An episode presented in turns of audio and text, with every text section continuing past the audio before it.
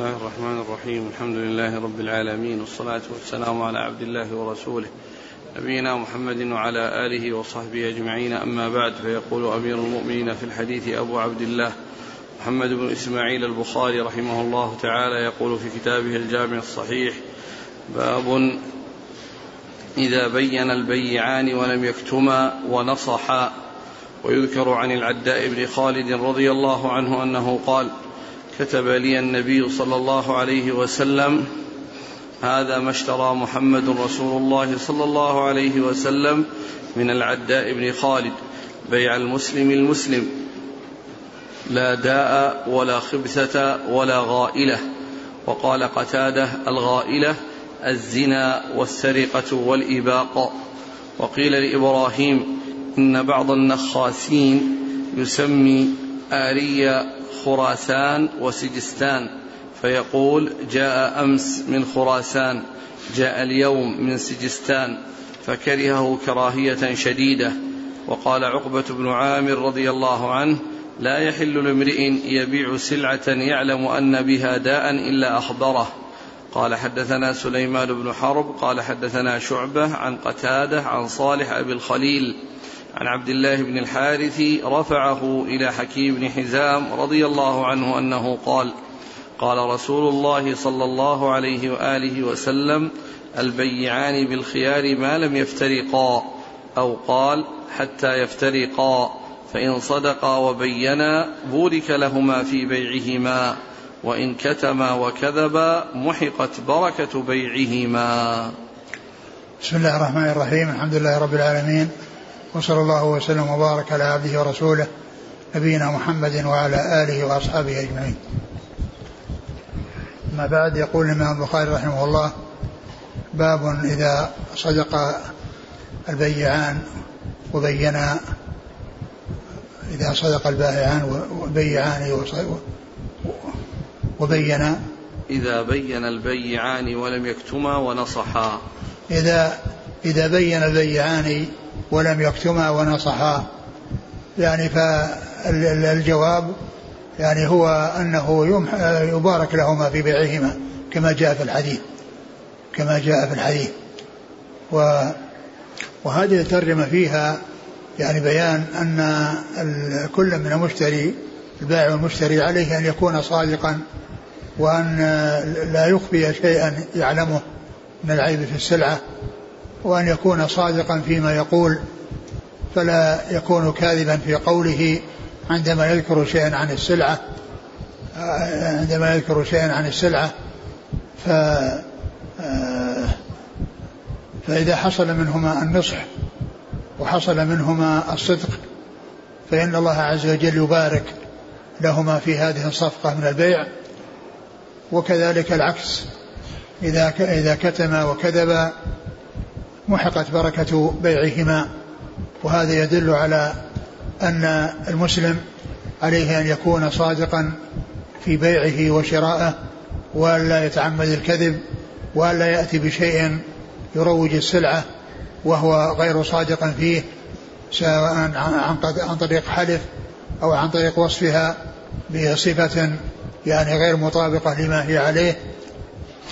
ثم ذكر بعض الآثار يعني في ذلك. قال ويذكر عن العداء بن خالد قال كتب لي النبي صلى الله عليه وسلم هذا ما اشترى محمد رسول الله صلى الله عليه وسلم من العداء بن خالد. بيع المسلم المسلم لا داء ولا خبثة ولا غائلة. ثم ذكر هذا الأثر عن العداء بن خالد في قصة مبايعته للنبي صلى الله عليه وسلم وأن الرسول صلى الله عليه وسلم كتب له بهذا الذي جار بينهما. وفي هذا الحديث في هذه الرواية أن المشتري هي رسول الله هو رسول الله صلى الله عليه وسلم والبائع العداء ولكنه جاء في الطرق الأخرى والروايات الأخرى العكس وأن البائع هو الرسول صلى الله عليه وسلم والمشتري هو العداء بن خالد. فقيل في توجيه هذه الرواية إنها على القلب وأنه حصل فيها قلب وإلا فإن الأصل أن الرسول صلى الله عليه وسلم هو البائع والعدة هو المشتري وقيل ان ان إنه ليس فيها قلب ولكن على اعتبار أن كل من المشتري والبائع يطلق على أحدهما على الآخر فيقال على المشتري أنه بايع ويقال على البائع أنه مشتري ويطلق كل منهما على الآخر فيكون توجيهه أنه جاء يعني في بعض الروايات يعني على على على حال وفي بعضها على على على حال أخرى. والروايات اتفقت على أن الرسول صلى الله عليه وسلم هو البائع وهذا هو المشتري. والبخاري هو الذي جعله في هذه الرواية العكس ووجهت بهذا التوجيه. قال هذا ما بايع هذا بيع المسلم المسلم لا داء ولا خبثة بيع المسلم المسلم يعني أن البيع هو على هذه الطريقة التي يبيعها التي تجري من المسلم مسلم التي هي مبنية على السلامة ومبنية على الصدق ومبنية على عدم آه، يعني الكذب أو الغش أو إخفاء العيوب. قال لا داء. لا داء ولا خبثة ولا غائلة. لا داء ولا خبثة ولا غائلة. يعني هذه من الأشياء أو من العيوب التي تكون في في المبيعات وقال إن أن أن, أن البيع لا داء فيه ولا خبثة ولا غائلة. وذكر بعد ذلك الغائلة أنها الزنا. والسرقة والإباق. الزنا والسرقة والإباق. الزنا والسرقة والإباق هذه كلها يقال أنها غائلة. يعني ف آه، آه، كون كون يحصل سرقة أو يحصل يعني إباق يعني من العبد وإخفاء يعني ذلك هذا من من الأشياء المحذورة. وشوف كلام الشارح في هذا. بيع المسلم المسلم فيه أنه ليس من شأن المسلم الخديعة وأن تصدير الوثائق بقول الكاتب هذا ما اشترى أو أصدق لا بأس به ولا عبرة بوسوسة من منع من ذلك وزعم أنها تلتبس بماء النافية لا داء أي لا عيب والمراد به الباطل سواء ظهر منه شيء أم لا. والمراد به؟ والمراد به الباطن نعم. سواء ظهر منه شيء أم لا. الباطن يعني الخفي يعني هذا العيب يعني باطن وسواء صار له ظهور أو ظهر منه شيء يعني من هذا الباطن أو أنه لم يظهر. نعم كل هذا يدخل تحت الداء. نعم. كوجع الكبد والسعال. نعم. قاله مطرزي. هذه من الأشياء الباطنة. نعم. وقال ابن المنير في الحاشية قوله لا داء أي يكتمه البائع. نعم. وإلا فلو كان بعبد داء وبينه البائع لكان من بيع المسلم للمسلم. نعم. ومحصله أنه لم يرد بقوله لا داء نفي الداء مطلقا بل نفي داء مخصوص وهو ما لم يطلع عليه. نعم. ولا خبثة بكسر المعجمة وبضمها خبثة وسكون الموحدة بعدها مثلثة أي مسبيا من قوم لهم عهد. قاله المطرزي وقيل المراد الأخلاق الخبيثة كالإباق. وقال صاحب العين الريبة وقيل المراد الحرام كما عبر عن, عن الحلال بالطيب. وقال ابن العربي الداء ما كان في الداء ما كان في الخلق بالفتح والخبثة ما كان في الخلق بالضم. يعني شيء يعني الخلقة والخلق. الخلقة التي خلقة الإنسان أو خلقة الحيوان أو الدواب والخلق هو صفة نعم. يعني هذا شيء يتعلق بالخلق وهذا يتعلق بالخلق. نعم. والغائلة سكوت البائع على ما يعلم من مكروه في في المبيع. يعني يخفي العيب. سكوت البائع على العيب الذي في العين المبيعة لا يبين العيب وإنما يسكت عن بيانه فيخفيه في في فيحصل الاغترار من المشتري بكونه ما حصل التبيين له في العيب الموجود في السلعة. نعم. قوله ولا غائلة بالمعجمة أي ولا فجور. نعم. وقيل المراد الإباق وقال ابن بطال هو من قولهم يعني الإباق إباق العبد. نعم. وقال ابن بطال هو من قولهم اغتالني فلان إذا احتال بحيلة يتلف بها مالي. نعم. انتهى. نعم. وهذا الأثر ذكره البخاري بصيغة يذكر التي هي صيغة التمريض وليس وليس كل ما جاء بهذه الصيغة يعني يكون ضعيفا فإن هذا الحديث الذي ورد هو من قبيل الحسن ولكنه ليس على شرط البخاري. وقد ذكر الحافظ بن حجر أن البخاري يستعمل هذه الصيغة يعني لغير التمريض يعني في حالتين. إحداهما أن يكون موقوفا فإنه إذا كان موقوفا يأتي به بلفظ يذكر. والثاني أن يكون فيه راو على شرط على غير شرطه أن يكون فيه راو على غير شرطه وهذا هو من هذا القبيل. هذا هو من هذا القبيل لأنه مرفوع للرسول صلى الله عليه وسلم ولكن فيه را فيه راويان ليس على شرطه والحديث عند الترمذي وفيه راويان ليس على شرطه لم يخرج لهما البخاري. ولكن الحديث لا ولكنه حسن. نعم. وقيل لإبراهيم إن بعض النخاسين يسمي آري يسمي آرية خراسان وسجستان. فيقول جاء أمس من خراسان جاء اليوم من سجستان فكرهه كراهية شديدة. الأري هذا المكان الذي يكون يعني للدواب. يعني كالاسطبل وكالحظيرة التي تكون للغنم فإنه يسمي يعني هذه الحظيرة خراسان أو يسميها يعني خراسان وإيش؟ وسجستان سجستان. يعني يسمي حظيرة الغنم يعني أنها سجستان. ثم يقول أنها جاءت أن هذه جاءت من خراسان أو جاءت من سجستان.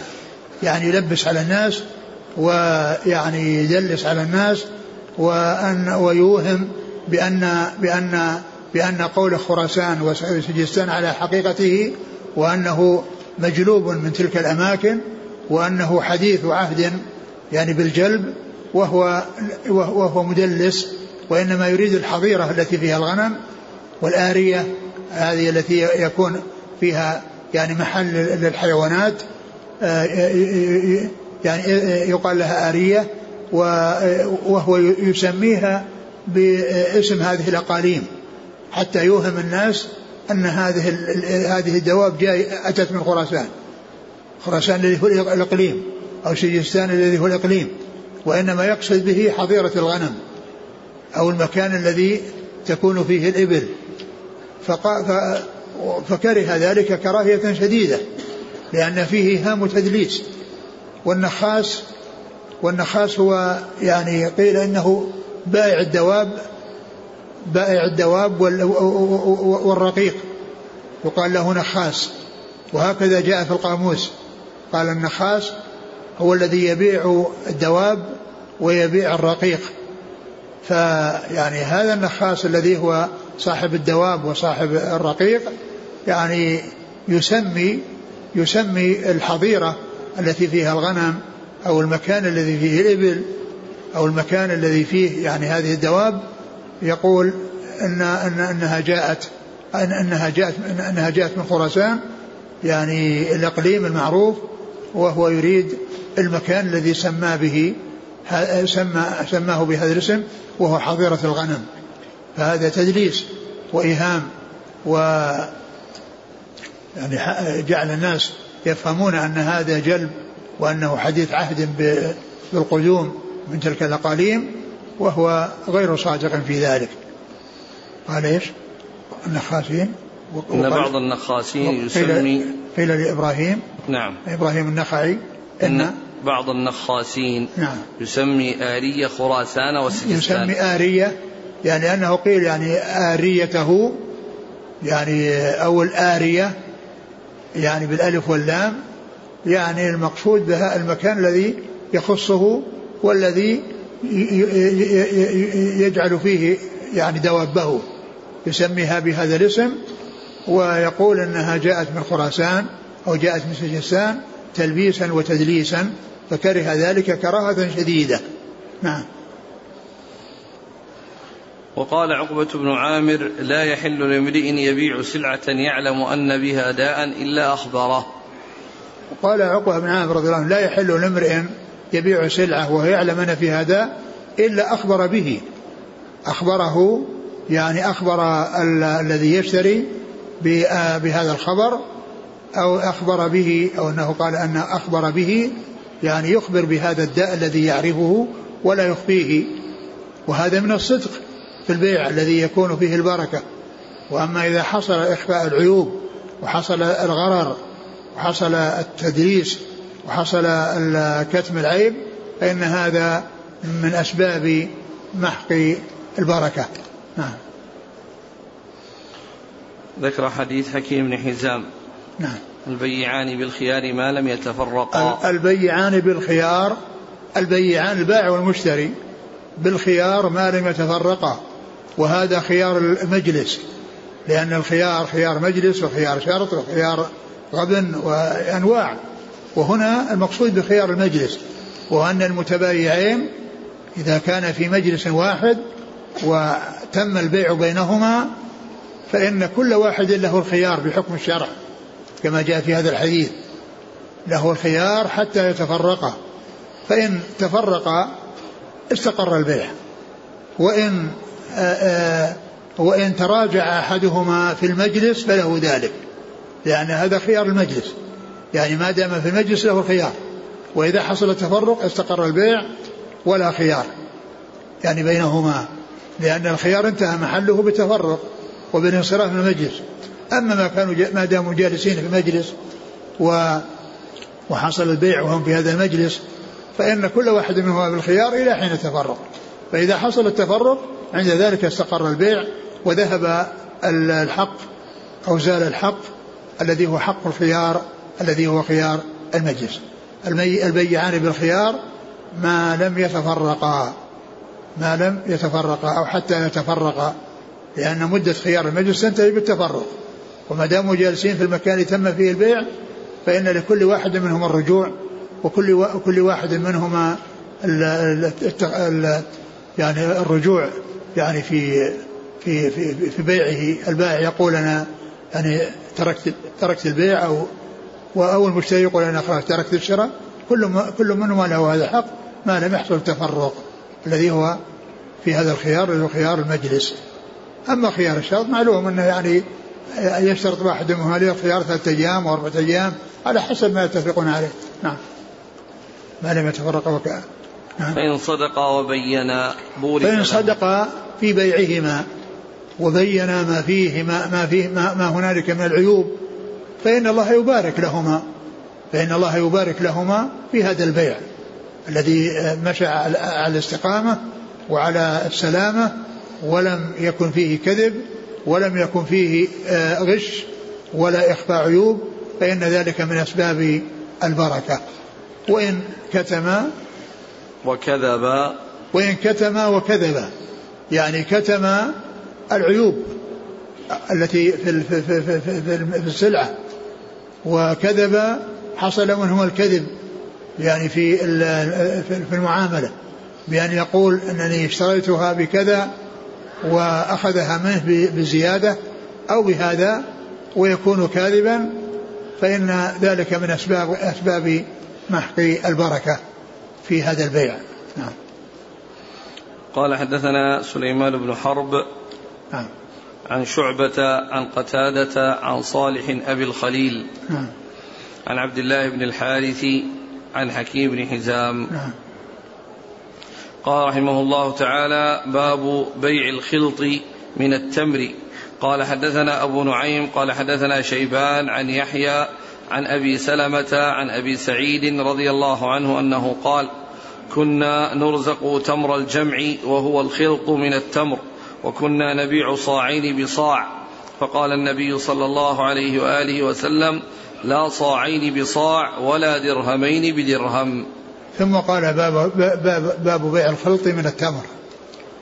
الخلط هو المخلوط وهو الأنواع من التمر تخلط وتكون صبرة واحدة مشكلة فيها أنواع التمور. يعني ليست نوعا واحدا وإنما هي أنواع. وفي الغالب أن هذا يعني يكون من رديء التمر الذي هو يكون يعني مجمع يعني ما يكون من جيده. لأن الجيد يعني كل شيء على حدة منه ما هو جيد ومنه ما هو رديء. لكن إذا خلطت الأنواع وصارت يعني نوعا واحدا فإن هذا فإن هذا يسوغ بيعه يعني آه لأنه ظاهر.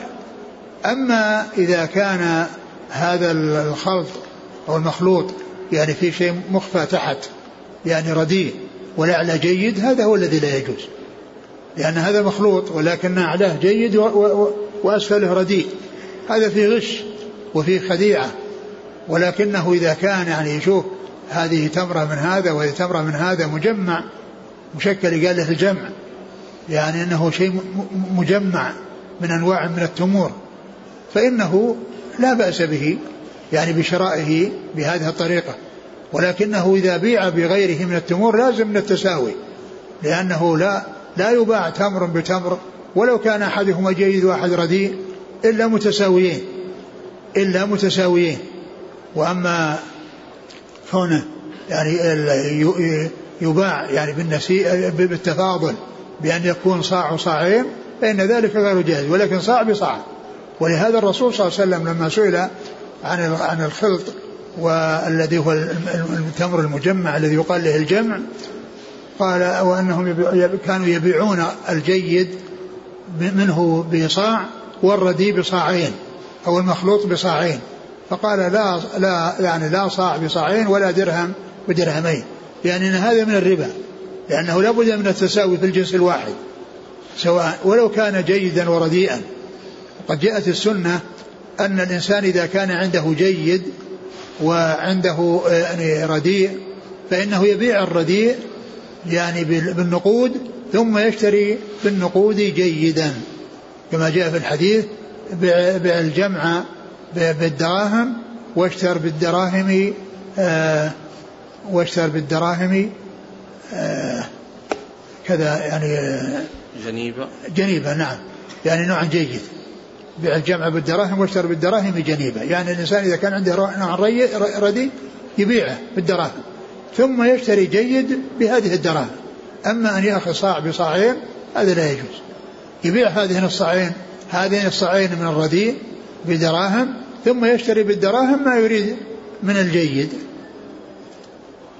أعد الحديث. عن أبي سعيد رضي الله عنه قال كنا نرزق تمر الجمع كنا نرزق يعني نعطى ويقسم عليهم تمر الجمع أي المجتمع من عدة أنواع. المجتمع من عدة أنواع. نعم. وهو الخلط من التمر. وهو الخلط من التمر اللي هو الجمع هذا. وكنا نبيع صاعين بصاع فقال صلى الله عليه وسلم لا صاعين بصاع ولا درهمين بدرهم. نعم يعني كان يبيع صاع بصاعين صاعين من الرديء من الجمع بصاع من الجيد. وهذا لا يجوز لأنه ربا لأن الجنس الواحد لا بد فيه من التساوي والتقابض. لا بد من التماثل والتقابض فلا نسيئة ولا فضل إذا كان جنس واحد. ولكن إذا اختلف الجنس إذا اختلف الجنس بأن يعني كان يعني تمر ببر أو يعني دراهم بدنانير فإنه يعني يجوز التفاضل ولكن لا بد من, من التقابض. يعني التفاضل جائز إذا اختلفت الأجناس لكن التقابض لا بد منه الذي هو عدم النسيئة. نعم. قال حدثنا أبو نعيم الفضل بن دكين عن شيبان بن عبد الرحمن عن يحيى ابن أبي كثير الامامي عن أبي سلمة نعم. عن أبي سعيد نعم. قال رحمه الله تعالى باب ما قيل في اللحام والجزار. قال حدثنا عمر بن حفص قال حدثنا أبي قال حدثنا الأعمش قال حدثني شقيق عن أبي مسعود رضي الله عنه أنه قال جاء رجل من الأنصار يكنى أبا شعيب فقال لغلام له قصاب اجعل لي طعاما يكفي خمسة فإني أريد أن أدعو النبي صلى الله عليه وآله وسلم خامس خمسة. فإني قد عرفت في وجهه الجوع فدعاهم فجاء معهم رجل فقال النبي صلى الله عليه وسلم إن هذا قد تبعنا فإن شئت أن تأذن له فأذن له وإن شئت أن يرجع رجع. فقال لا بل قد أذنت له. باب ما قيل في اللحام والجزار. ما قيل في اللحام والجزار. اللحام والجزار معناهما واحد. يعني الجزار الذي يجزر واللحام الذي يعني يبيع اللحم يعني سواء يعني يعني قد يكون جزره وقد هو الذي حصل منه الجزر والذبح أو يكون ذبح غيره ولكنه يأتي يؤتى به إليه فيبيعه. اللحام الذي يبيع اللحم والجزار الذي يجزر البهائم يعني يذبحها قصاب الجزار هو القصاب الذي يذبح الذبائح. و فإن, فإن باعها فيكون جمع بين كونه لحاما يعني يبيع اللحم وكونه جزار. وإن كان يعني يأتيه اللحم والذي يتولى الجزر غيره غيره فإنه يقال له لحام. يعني قال باب ما جاء ما قيل في ما قيل في اللحام والجزار. وهذه الترجمة هي من جملة الصنائع التي ذكرها البخاري يعني بعد أبواب. وقد جاءت في هذا المكان وأولى ما يكون لها يعني في المواضع في, في, في, في الأبواب اللي تبدأ بالصواغ لأنه ذكر أنواعا من الحرف وأنواعا من المهن وهذا هذا منها. ففي بعض النسخ متأخر مع مع مع الصواغ وغيره وفي بعضها متقدم هنا ووضعها أو وقوعها في المكان المتأخر مع الحرف يعني أولى. إذا المقصود منها هي بيان ما يتعلق باللحام والجزار وهذه المهنة ولكن محلها هنا متقدم عن الموضع الذي ذكرت فيه المهن وذكرت فيه الحرف. والمقصود من ذلك يعني بيان هذه المهنة وبيان هذه الحرفة ولكن لا في بعض النسخ تقدم عن مكانه وفي بعضها وضع في مكانه الذي هو المناسب له وهو أنه مع أصحاب المهن ومن جملة المهن التي ذكرها وسردها متصلا بعضها متصلا بعضها ببعض. ثم ذكر هذا الحديث الذي فيه أن رجلا كان له غلام لحام يعني غلامه يبيع اللحم غلامه يبيع اللحم فطلب من غلامه أن يأتي بقطعة من اللحم تكفي لخمسة الرسول صلى الله عليه وسلم ومعه أربعة. قال إنه رأى أثر الجوع على رسول الله صلى الله عليه وسلم فأراد أن يصنع له هذا الطعام من اللحم وأن يكون لأربعة معه. فجاء الرسول عليه الصلاة والسلام ومعه الأربعة وتبعهم سادس فقال إن هذا يعني أن أن هذا يعني تبعنا فإن شئت أن تأذن له دخل وإلا فإنه يرجع بل قال بل آذن له يا رسول الله. بل آذن له يا رسول الله.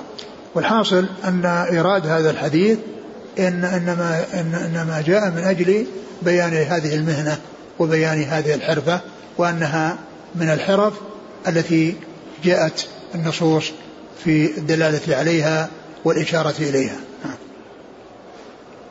قال حدثنا عمر بن حفص نعم. عن أبيه نعم حفص بن غياث عن الأعمش سليمان بن مهران. عن شقيق ابن سلمة. عن أبي مسعود. نعم. قال حدثنا قال رحمه الله تعالى باب ما يمحق الكذب والكتمان في البيع. قال حدثنا بدل بن المحبر قال حدثنا شعبة عن قتادة قال سمعت أبا الخليل يحدث عن عبد الله بن الحارث عن حكيم بن حزام رضي الله عنه عن النبي صلى الله عليه وسلم أنه قال البيعان بالخيار ما لم يتفرقا أو قال حتى يتفرقا فإن صدقا وبينا بورك لهما في بيعهما وإن كتما وكذبا محقت بركة بيعهما. ثم أتى بهذه الترجمة تتعلق بمحق البركة في البيع والترجمة السابقة تتعلق في المقابل وهي أن أن البيعان إذا صدقا وبينا بورك لهما في بيعهما. وهذه لبيان العكس وأنهما إذا كتما العيوب وكذبا فلم يحصل منه الصدق فإن بركة فإن بركة بيعهما فإن فإنها تمحق البركة. يعني فذاك عمل يعني صفات حسنة يترتب عليها بركة وهذه صفات سيئة يترتب عليها محق للبركة. نعم. قال حدثنا بدل بن المحبر نعم. عن شعبة عن قتادة عن أبي الخليل عن عبد الله بن الحارث عن حكيم بن حزام. نعم. قال رحمه الله تعالى باب قول الله تعالى يا أيها الذين آمنوا لا تأكلوا الربا أضعافا مضاعفة واتقوا الله لعلكم تفلحون. قال حدثنا آدم قال حدثنا ابن أبي ذئب قال حدثنا سعيد المقبوري عن أبي هريرة رضي الله عنه. عن النبي صلى الله عليه وآله وسلم أنه قال ليأتين على الناس زمان لا يبالي المرء بما أخذ المال أمن حلال أم من حرام. ثم قال باب قول الله عز وجل يا أيها الذين آمنوا لا تأكلوا الربا أضعافا مضاعفة. الربا الأضعاف المضاعفة التي كان عليها أهل الجاهلية أن الواحد منهم إذا باع يعني بسلعة إلى أجل. إذا جاء الأجل يعني وليس عنده شيء يقول إما أن تقضي وإما أن تربي يعني إما أن تسدد وانتهى الأمر بينه وبينه. وإما أن تربي يعني تزيد يعني في, يعني تزيد ونزيد لك في الأجل. يعني نزيد لك في الأجل وأنت تزيد تزيد في الكمية. هذا هو الربا ربا الجاهلية. إما أن تقضي وإما أن تربي ثم إذا جاء الأجل إذا جاء الأجل مرة ثانية ولم يقضي قال إما أن تقضي وإما أن تربي فحصل أيضا زيادة. فهذا هو معنى أضعاف مضاعفة. يعني يحصل فيه أضعاف مضاعفة بهذه الطريقة التي هي طريقة الجاهلية. إما أن تقضي وإما أن تربي يعني كلما حل الأجل طلب منه السداد أو الزيادة ويزيد في الأجل. وإذا انتهت هذه الزيادة أتي بزيادة أخرى ولها مقابل وهكذا فيكون هذا هو معنى قوله لا تأكل الربا أضعافا أضعافا مضاعفة. ثم ذكر الحديث وفي بعض بعض النسخ ليس فيه إلا, الآية وليس فيه ذكر حديث وليس فيه ذكر حديث وإنما فيه الآية التي فيها تكون الربا أضعاف مضاعفة يعني آه لم يزد على أن يعني آه على ذكر الآية. وفي بعضها ذكر هذا الحديث الذي سبق أن مر قريبا وهو لا يدل على الربا بخصوصه ولكنه عام يدخل فيه الربا يدخل فيه الربا. قال يأتي على الناس زمان يأتي على الناس زمان لا يدري. ليأتين على الناس زمان لا يبالي المرء بما أخذ المال. نعم. أمن حلال أم من حرام؟ يأتي على الناس زمان لا يبالي المرء فيما أخذ المال من من حلال أم حرام. معلوم أن أن الربا من جملة الحرام. فهو لا يبالي أخذه من حرام أو من حلال أو أخذه من سرقة أو أخذه من يعني غصب أو أخذه يعني من من اختلاس أو بأي طريقة من الطرق المحرمة. بأي طريقة لا يبالي لأنه يهمه أن يقع المال في حوزته وأن يقع في يده فالحلال عنده ما حل في اليد والحرام ما لم يصل إلى اليد. هذا تعريف الحلال والحرام عند الذي لا يتقيد بالحلال والحرام الذي جاءت به الشريعة وإنما يهمه أن يقع في يده شيء من المال ولو عن طريق حرام. وهذا يدل على شدة الانهماك في الدنيا والحرص عليها والافتتان بها وأن الإنسان لا يبالي ما وقع في يده هل هو من حلال أو حرام. فالحديث لا يدل على الربا بخصوصه ولكنه يدل عليه بعمومه. ولكنه يدل عليه بعمومه وبعض النسخ فيها ذكر الحديث وبعضها لا ليس فيها ذكر الحديث. نعم. قال حدثنا آدم عن ابن أبي ذئب. آدم بن أبي ياس وابن أبي ذئب محمد بن عبد الرحمن. عن سعيد المقبري عن نعم. أبي هريرة. نعم. قال رحمه الله تعالى باب أكل الربا وشا باب آكل الربا وشاهده وكاتبه. وقوله تعالى الذين يأكلون الربا لا يقومون إلا كما يقوم الذي يتخبطه الشيطان من المس. ذلك بأنهم قالوا إنما البيع مثل الربا وأحل الله البيع وحرم الربا. فمن جاءه موعظة من ربه فانتهى. فله ما سلف وأمره إلى الله ومن عاد فأولئك أصحاب النار هم فيها خالدون. قال حدثنا محمد بن بشار قال حدثنا غندر قال حدثنا شعبة عن منصور عن أبي الضحى عن مسروق. عن عائشة رضي الله عنها أنها قالت لما نزلت آخر البقرة قرأهن النبي صلى الله عليه وآله وسلم عليهم في المسجد ثم حرم التجارة في الخمر. ثم قال باب قول الله عز وجل باب آكل الربا وشاهده. نعم باب آكل الربا وكاتبه وشاهده. باب آكل الربا وكاتبه وشاهده أو شاهديه.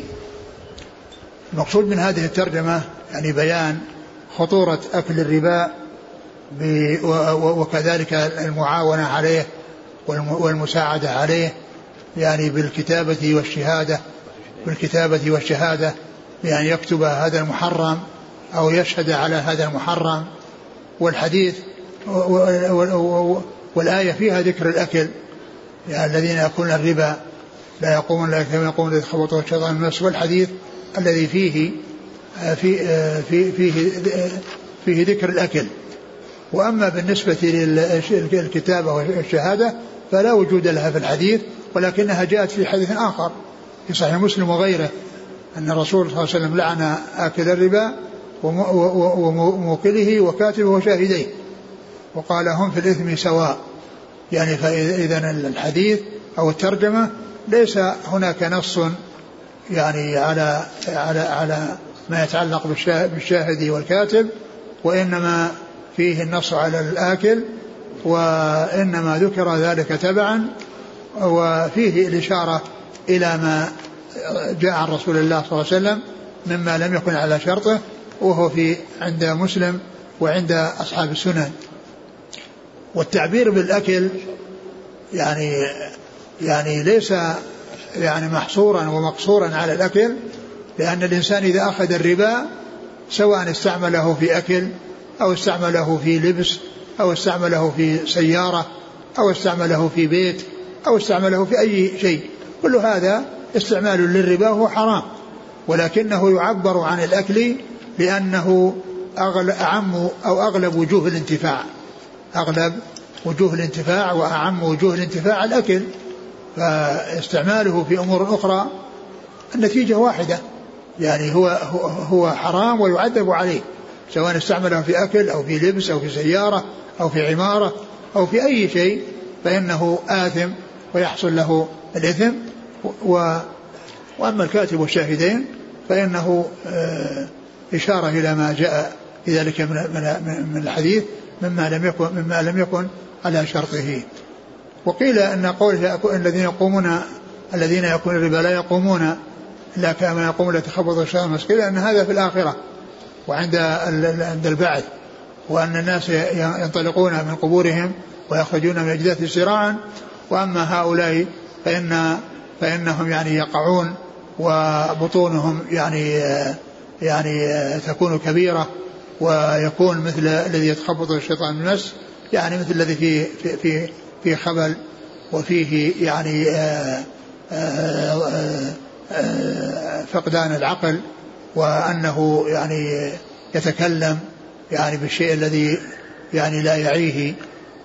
نعم الحديث. قال عن عائشة لما نزلت آخر البقرة قرأهن النبي صلى الله عليه وسلم في المسجد ثم حرم التجارة في الخمر. لما نزلت يعني لما نزلت؟ نعم آخر البقرة. لما نزلت آخر البقرة هذه الآيات التي جاءت في الربا. يعني قرأه النبي صلى الله عليه وسلم الناس ثم إنه حرم الخمر. وحرم الخمر يعني فالآيات جاء فيها تحريم الربا وأضاف إلى ذلك أنه صلى الله عليه وسلم حرم الخمر وقال إنه وقال إنه حرام. نعم. حرم التجارة في الخمر. نعم حرم التجارة في الخمر. يعني البيع والشراء. التجارة في الخمر البيع والشراء فيها. لأن الشيء إذا كان حراما لا يجوز الاتجار به. لا يجوز الاتجار بما هو حرام. وإنما يتجر بما هو حلال. نعم. لكن الآن الباب باب آكل الربا وشاهده وكاتبه. نعم هو فيما يتعلق بالآية فيها ذكر الربا ولكنه جاء آه، تبعا ذكر الخمر التجارة, التجارة في الخمر. فالتجارة يعني في الخمر جاءت تبعا وجاءت يعني زائدة على الشيء الذي آه الذي أراده أو الذي قرأه يعني ما يتعلق بالربا الذي قرأ الآيات التي نزلت فيه. ثم إنه حرم التجارة بالخمر. يعني وهذا ليس موجودا في هذه الآيات ولكن هذا يعني حكم آخر آه، جاء ذكره بمناسبة ذكر شيء محرم اللي هو الربا فجاء في ذلك تحريم التجارة في الخمر قال ويطلق الربا على كل بيع محرم يطلق الربا على. كل بيع إيه؟ بيع محرم إيه لكنه مشهور يعني مشهور بهذا النوع من البيوع الذي هو يعني آه، ربا الفضل وربا النسيئة وربا الجاهلية الذي هو من جملة يعني آه، من جملة الربا بل هو أشد ما يكون من الربا الذي يكون فيه الربا أضعاف مضاعفة قال حدثنا محمد بن بشار عن غندر هو محمد بن جعفر. عن شعبة عن منصور بن معتمر عن أبي الضحى وهو مسلم بن صبيح. عن مسروق عن عائشة. نعم. قال حدثنا موسى بن إسماعيل قال حدثنا جرير بن حازم قال حدثنا أبو رجاء عن سمرة بن جندب رضي الله عنه أنه قال قال النبي صلى الله عليه وآله وسلم رأيت الليلة رجلين أتياني فأخرجاني إلى أرض مقدسة. فانطلقنا حتى أتينا على نهر من دم. فيه رجل قائم على وسط النهر رجل بين يديه حجارة فأقبل الرجل الذي في النهر فإذا أراد الرجل أن يخرج رمى الرجل بحجر في فيه فرده حيث كان فجعل كلما جاء ليخرج رمى في فيه بحجر فيرجع كما كان فقلت ما هذا؟ فقال الذي فقال الذي رأيته في النهر آكل الربا. ثم ذكر هذا الحديث عن سمرة بن جندب. عن سمرة بن جندب رضي الله عنه وهذا مختصر أو قطعة من حديث طويل مر ذكره في كتاب الجنائز لأنه ذكر أنواع من المعذبين وأصناف من المعذبين وفيهم آكل الربا وهو هنا في هذا الموضع اقتصر على هذه القطعة التي تدل على يعني عذاب آه عذاب يعني صاحب الربا أو آكل الربا وإلا فإن الحديث طويل وهذا من جملة الأجزاء التي وردت فيه وهو يتعلق بموضوع الباب وفيه أن أن الرسول صلى الله عليه وسلم رأى في تلك الرؤيا الطويلة آه، أن أنه أن أن رجلا يعني كان على على حافة النهر وعنده حصى وفي النهر رجل يعني يمشي فإذا أقبل للخروج رماه بحجر في فيه فرجع كما كان فهذا شأنه كلما أقبل رماه بحجر يعني في فيه ثم إذا رجع أو أراد أن يرجع رماه بحجر.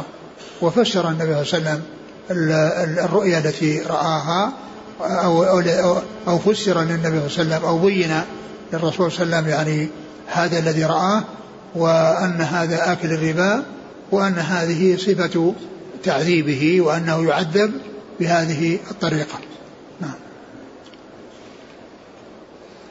قال حدثنا موسى بن إسماعيل تبوذكي عن جرير بن حازم نعم.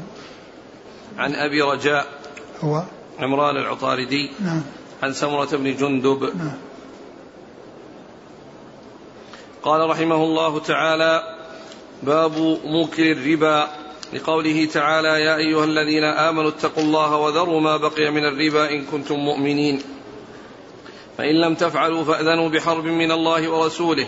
وإن تبتم فلكم رؤوس أموالكم لا تظلمون ولا تظلمون وإن كان ذو عسرة فنظرة إلى ميسرة وأن تصدقوا خير لكم إن كنتم تعلمون واتقوا يوما ترجعون فيه إلى الله ثم توفى كل نفس ما كسبت وهم لا يظلمون قال ابن عباس هذه آخر آية نزلت على النبي صلى الله عليه وآله وسلم قال حدثنا أبو الوليد قال حدثنا شعبة عن عون بن أبي جحيفة قال رأيت أبي اشترى عبدا حجاما فسألته فقال نهى النبي صلى الله عليه وآله وسلم عن ثمن الكلب وثمن الدم ونهى عن الواشمة والموشمة وآكل الربا وموكله ولعن المصور. ثم ذكر هذه الترجمة باب قول الله عز وجل باب موكل الربا. باب موكل الربا. يعني الذي يطعم غيره الربا. لأن هناك آكل الربا الذي يتناوله ويأكله وموكله يعني يوكله لغيره ويعطي ويعطيه لغيره. يعني ففيه آكل وفيه موكل والآكل سبق أن مر وهذا يتعلق بالموكل الذي يوكل غيره ويطعم غيره الربا. ثم ذكر هذه الآيات التي آه، تتعلق بالربا وآخرها قول الله عز وجل واتقوا يوما ترجعون فيه إلى الله ثم توفى كل نفس ما كسبت وهم لا يظلمون. قال ابن عباس هذه آخر آية نزلت. والمقصود من ذلك هذه الآية الأخيرة. هذه الآية الأخيرة التي واتقوا يوما ترجعون فيه إلى الله فإن هذه آخر ما نزل من القرآن على الإطلاق على أصح الأقوال عند أهل العلم. أن هذه الآية التي في آه، آخر آيات الربا أو التي جاءت في ختام آيات الربا وهي واتقوا يوم ترجعون فيه أنها هي آخر ما نزل من القرآن. ذكر يعني هذه الآيات المتعلقة بالربا وفيها فيها كون الإنسان آكلا وموكلا. ثم ذكر الحديث الذي عن عون بن جحيفة قال رأيت أبي اشترى حجام عبدا حجاما فسألته فقال نهى النبي صلى الله عليه وسلم عن ثمن الكلب وثمن الدم. ونهى عن الواشم والموشم وآكل الربا وموكله ولعن المصور. ثم ذكر هذا الحديث الذي فيه آكل لعن آكل الربا وموكله. فإن كلمة وموكله هذه التي أورد الحديث من أجلها. وأما الآكل فقد جاء في هذا الحديث وفي غيره من الأحاديث. لكن هنا جمع, جمع بين الآكل والموكل. جمع فيه بين الآكل والموكل وكل وكل ذلك حرام. الإنسان إذا يعني أخذ الربا وأكله أو يعني أطعمه لغيره أو أوكله لغيره فإن هذا عمله محرم سواء بفعله بنفسه أو بفعله مع مع مع غيره. وذكر في هذا الحديث أن أن عون أن أبا جحيفة وهو بن عبد الله السوائي رضي الله عنه اشترى اشترى عبدا حجاما. عبدا حجاما. نعم. نعم. قال فسألته فقال نهى النبي صلى الله عليه وسلم عن ثمن الكلب وثمن الدم. يعني جاء في بعض الروايات أنه آه، اشترى عبد حجاما فكسر محاجمه. فكسر محاجمه يعني حتى لا يحصل منه يعني هذا العمل بأن الآلة التي تكون عنده يعني لا وجود لها لأنه إذا كانت عنده الآلة قد يحصل منه ذلك. ولكنه إذا كسرت آلته بقي بدون آلة فلا يحصل منه يعني ذلك الشيء. ومن المعلوم أن الحجامة جاء ما يدل على جوازها ولكنها من المهن التي هي غير شريفة لما فيها من من من ملامسة الدم وكان الدم وكانت الحجامة فيما مضى يعني عن طريق المص وقد يعني يصل إلى جوف الإنسان شيء من هذا الدم الخبيث يعني و وقد وقد وقد جاء في الحديث أن أن الرسول قال أفطر الحاجم والمحجوم. أفطر المحجوم لأنه أخرج منه الدم والحاجم لأنه يمص المحاجم.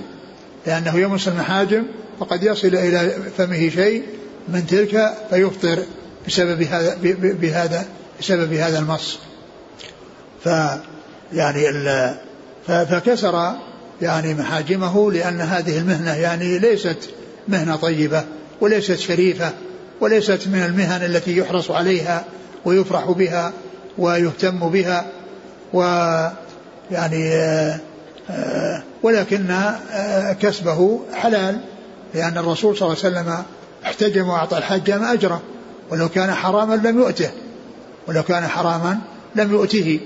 فدل على أن الحجامة أنها سائغة ولكنها آه، من المهن الرديئة. ولهذا جاء في الحديث كسب لحجام خبيث يعني رديء. ليس معنى ذلك أن خبيث أنه محرم وإنما هو رديء. في قوله ولا تيمموا الخبيث منه تنفقون. يعني الرديء. ف يعني ال ال ال أبا جحيفة رضي الله عنه كسر محاجمه حتى لا يحصل منه ذلك فسئل يعني عن ذلك يعني كونه كسر المحاجم كونه كسر المحاجم قال إن الرسول صلى الله عليه وسلم نهى عن كذا وعن كذا وعن كذا وعن يعني عن إيش؟ الدم. نعم. قال نهى عن ثمن الكلب وثمن الدم ونهى عن الواشم. وثمن الدم يعني يعني هنا يعني فيما فيما يتعلق بهذا الباب يعني هذا هو محل الشاهد منه. والدم حرام لا يجوز استعماله ولا يجوز بيعه. ولكنه هنا يعني آه الشاهد. نعم. قلتم الشاهد. هذا اللي هو لا سيأتي. نعم. وآكل الربا وموكله. نعم في الباب نعم. لا فيما يتعلق بالحجامة. نعم. لكن فيما يتعلق بالترجمة آكل الربا وموكله الذي هو قوله موكله الذي عقد الترجمة من أجله يعني في هذا هذا الباب من أبواب الربا. عد الحديث؟ عن عبد عبد الله عن عون. بن أبي جحيفه قال رأيت أبي اشترى عبدا حجاما. نعم.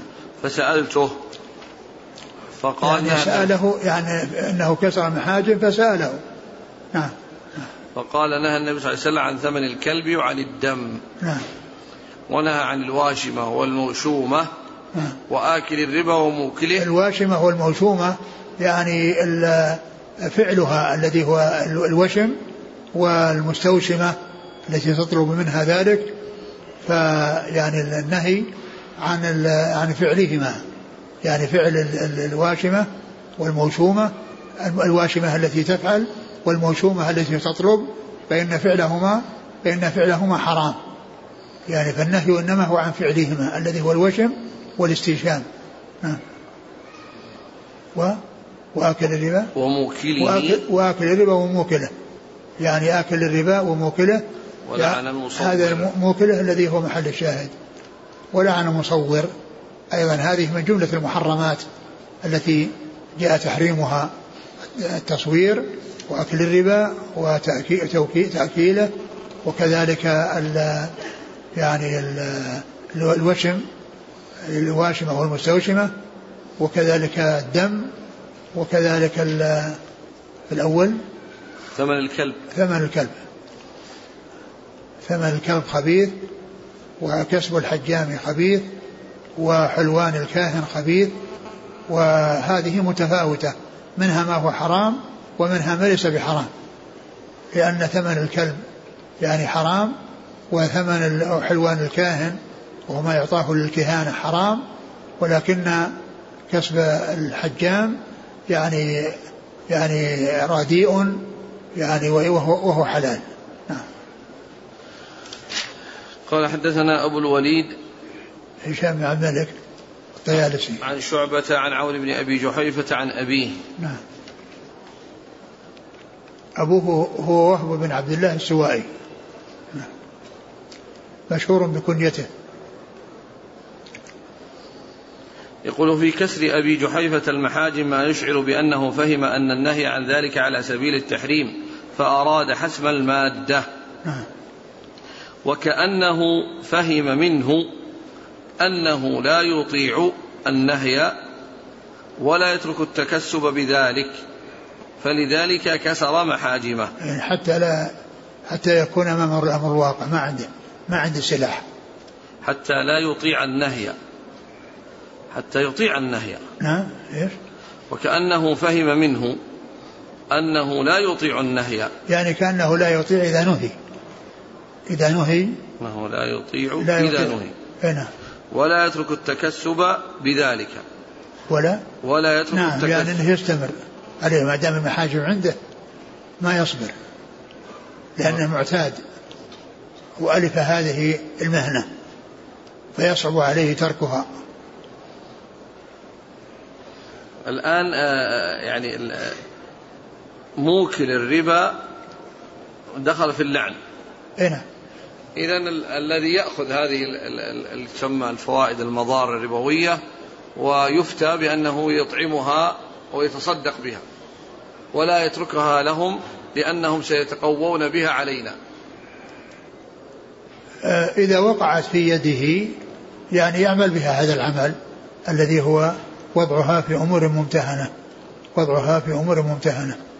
لكن إطعامها المحتاجين أوكلهم ربا. ها؟ إذا أطعمها للمحتاجين أوكلهم ربا. بعض العلماء أجاز هذا لكن وضعه يعني في أمور ممتهنة هذا هو الذي يناسب هذا هذا المحرم. أنه يفعل في شيء ممتهن كالحمامات وتعبيد الطرق والقناطر. قال رحمه الله تعالى باب يمحق الله الربا ويربي الصدقات والله لا يحب كل كفار أثيم. قال حدثنا يحيى بن بكير قال حدثنا الليث عن يونس عن ابن شهاب قال قال ابن المسيب إن أبا هريرة رضي الله عنه قال سمعت رسول الله صلى الله عليه وآله وسلم يقول الحلف منفقة للسلعة ممحقة منفقة. عندي بضم الميم. نعم نعم. لكنه يعني ذكره الشرع إنها يعني لكن أضع عليها صح. نعم. مصححة. نعم.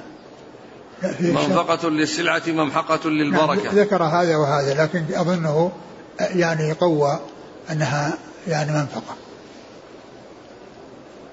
يعني ينفق السلعة ولكن يمحق البركة. السلعة تروج ويرغب فيها ولكنها منزوعة البركة. الحلف منفقة للسلعة ممحقة للبركة. نعم. انتهى لا في الشرح يعني يعني شو الكلام على منفقة. ومنفقة بفتح الميم والفاء بينهما نون ساكنة مفعلة. من من النفاق بفتح النون. وهو الرواج ضد الكساد والسلعة بكسر السين المتاع. قوله ممحقة بالمهملة والقاف. وزن الأول وحكى عياض ضم أوله وكسر الحاء والمحق النقص والإبطال. وقال القرطبي المحدثون يشددونها والأول أصوب والهاء للمبالغة. ولذلك صح خبرا عن الحلف. وفي مسلم اليمين ولأحمد اليمين الكاذبة وهي أوضح. وهما في الأصل مصدران مزيدان محدودان بمعنى النفاق والمحق.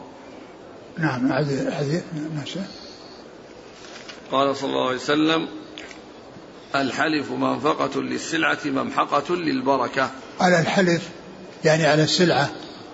يعني إن كان كاذبا إن كان كاذبا فإنه حرام.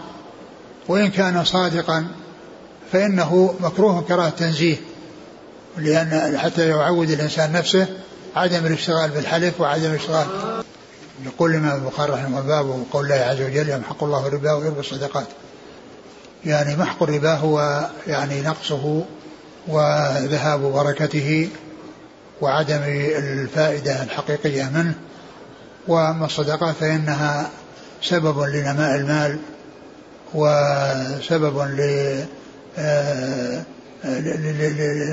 لكثرة الثواب في الآخرة لأن الله تعالى كما جاء في الحديث أنه ينمي هذه الصدقة وحتى تكون يعني شيئا كبيرا فالله تعالى يمحق الربا ويربي الصدقات. الصدقات يعني يكون فيها البركة وفيها الزيادة والاتساع وأما الربا فهو إن كان فيه زيادة إلا أنها إلا أنه ممحوق البركة وهذه الزيادة هي شر وليست بخير. تعود على صاحبها بمضرة ولا وبركتها ممحوقة. وثم ذكر حديثا يتعلق بملك باليمين والحلف وأن يعني فيها حلف الكاذب فيها تنفق السلعة ولكنها تمحق يعني البركة. فذكر هذا فيما يتعلق بالمحق وإلا فإنه ليس فيه يعني ما يتعلق بالربا وإنما فيه حلف يعني على على على على سلعة يعني ليروجها فإن كان هذا الحلف كاذبا فيه فهو محرم وإن كان صادقا فيما فيما يقول فهو خلاف الأولى ولا ولا يأثم صاحبه إذا حلف وهو صادق إذا حلف وهو صادق. ولهذا جاء يعني ذكر الحلف الحلف منفقة. منفقة للسلعة ممحقة للبركة. ممحقة للبركة. والحلف المقصود به الحلف الكاذب الذي يكون فيه محق البركة هو الحلف الكاذب. أما الحلف الصادق فإن ذلك لا يتمحق به البركة ولكنه خلاف الأولى حتى لا يجره ذلك إلى أن يقع في أمر محرم. وإلا فإنه إذا لم يحصل منه كذب وإنما كان صادقا فيما قال فإنه يعني لا يأثم ولا يدخل تحت محق البركة ولكن تركه أولى يعني حتى لا يجره ذلك إلى الوقوع في أمر محرم. وقد جاء في الحديث الآخر عن النبي عليه الصلاة والسلام يعني ما يقيد المحق بأنه مع الكذب يعني بالنسبة لليمين قال ثلاثة لا يكلمهم الله يوم القيامة ولا ينظر إليهم ولا يزكيهم ولهم عذاب أليم المسبل والمنان والمنفق سلعته بالحلف الكاذب والمنفق سلعته بالحلف الكاذب المسبل والمنان والمنفق سلعته بالحلف الكاذب نعم قال حدثنا يحيى بن بكير نعم. عن الليث نعم. عن يونس يونس بن يزيد عن ابن شهاب نعم. عن ابن المسيب. عن أبي هريرة. نعم. قال رحمه الله تعالى باب ما يكره من الحلف في البيع. قال حدثنا عمرو بن محمد قال حدثنا هشيم قال أخبرنا العوام عن إبراهيم بن عبد الرحمن عن عبد الله بن أبي أوفى رضي الله عنه أن رجلا أقام سلعة وهو في السوق فحلف بالله لقد أعطى بها ما لم لقد أعطي. لقد أعطي بها ما لم يعطي. ما لم يعطى. وجه كذلك فيها نسخ. لقد أعطى بها ما لم يعطي ليوقع فيها رجلا من المسلمين فنزلت إن الذين يشترون بعهد الله وأيمانهم ثمنا قليلا. نعم يعني باب ما يكره؟ من الحلف في البيع. ما يكره من الحلف بالبيع الحلف بالبيع يعني مثل ما تقدم إن كان كاذبا فإنه حرام وإن كان صادقا فإنه ليس بحرام ولكنه خلاف الأولى. فهذه الكراهة يعني يعني فيما يتعلق بالحلف يعني فيها هذا التفصيل.